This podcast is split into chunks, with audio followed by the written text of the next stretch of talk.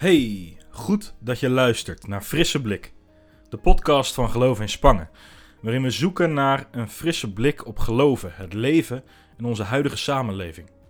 We proberen te ontdekken hoe het verhaal van God, een verhaal van hoop, anders kijken en nieuw leven, ons kan helpen in ons eigen leven, waarin de kraan soms lekt, kinderen je telefoon laten vallen en alle andere dingen die samen het leven zijn.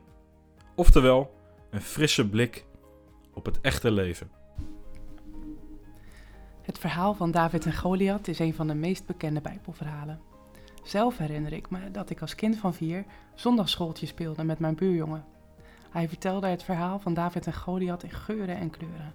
David met zijn slinger, de steen die door de lucht zuisde, Goliath die ter aarde stortte.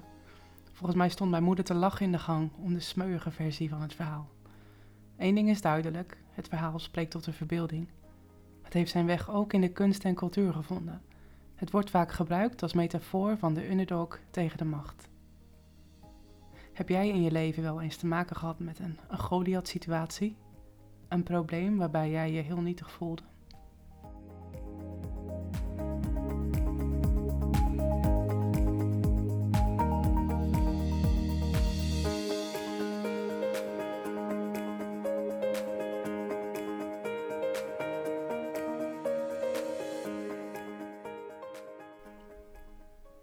Iets over de context eerst.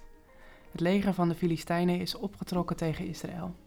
De legers liggen tegenover elkaar met een dal ertussen. De Filistijnen hebben een troef in handen. Een van hun soldaten is een reus van bijna drie meter. Elke dag wordt deze Goliath naar het dal gestuurd om de soldaten van Israël uit te dagen. Het voorstel is als volgt: Israël moet een soldaat sturen die een duel uitvecht met Goliath. Wie dit duel wint, wint de oorlog.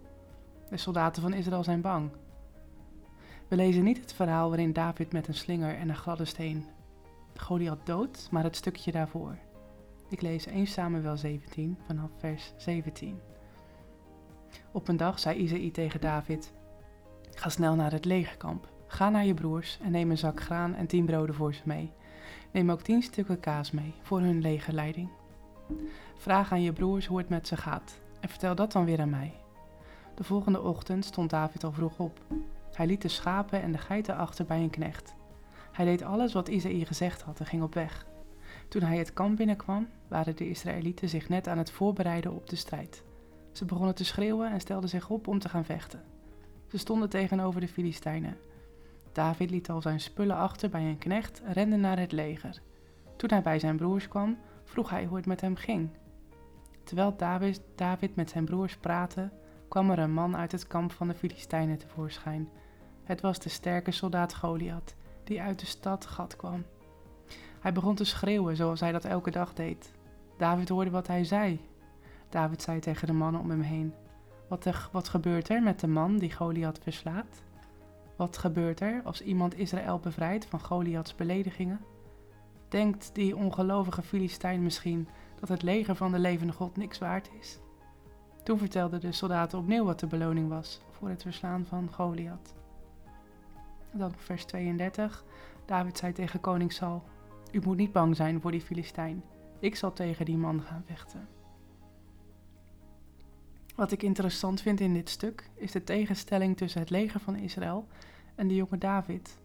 Het leger bestaat uit sterke getrainde mannen. Ze zouden niet zo snel bang moeten zijn, maar dat zijn ze wel.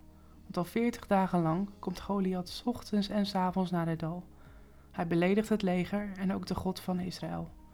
Het heeft de soldaten totaal ontmoedigd en de strijdlust is weggecijpeld, niemand durft.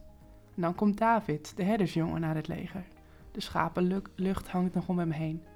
Met zijn brood en kaas loopt hij door het legerkamp, op zoek naar zijn broers. En hij is erbij als Goliath weer tevoorschijn komt en zijn dagelijkse provocatie afsteekt. David is heftig verontwaardigd. Hij heeft een diepe liefde voor God. Dit maakt hem boos. Zo praat je niet over God.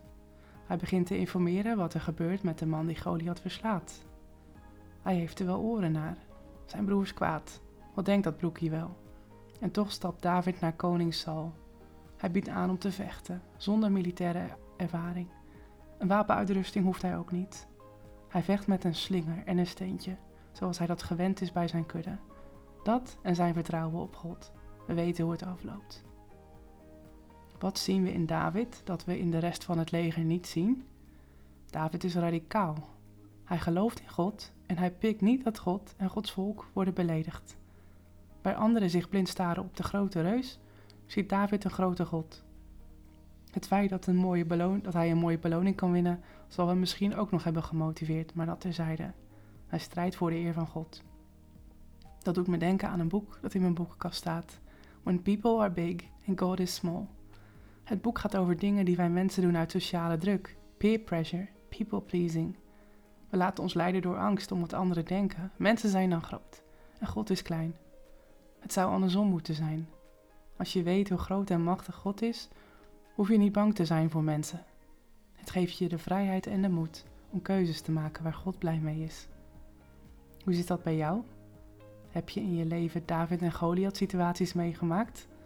Welke rol speelde je geloof daarin?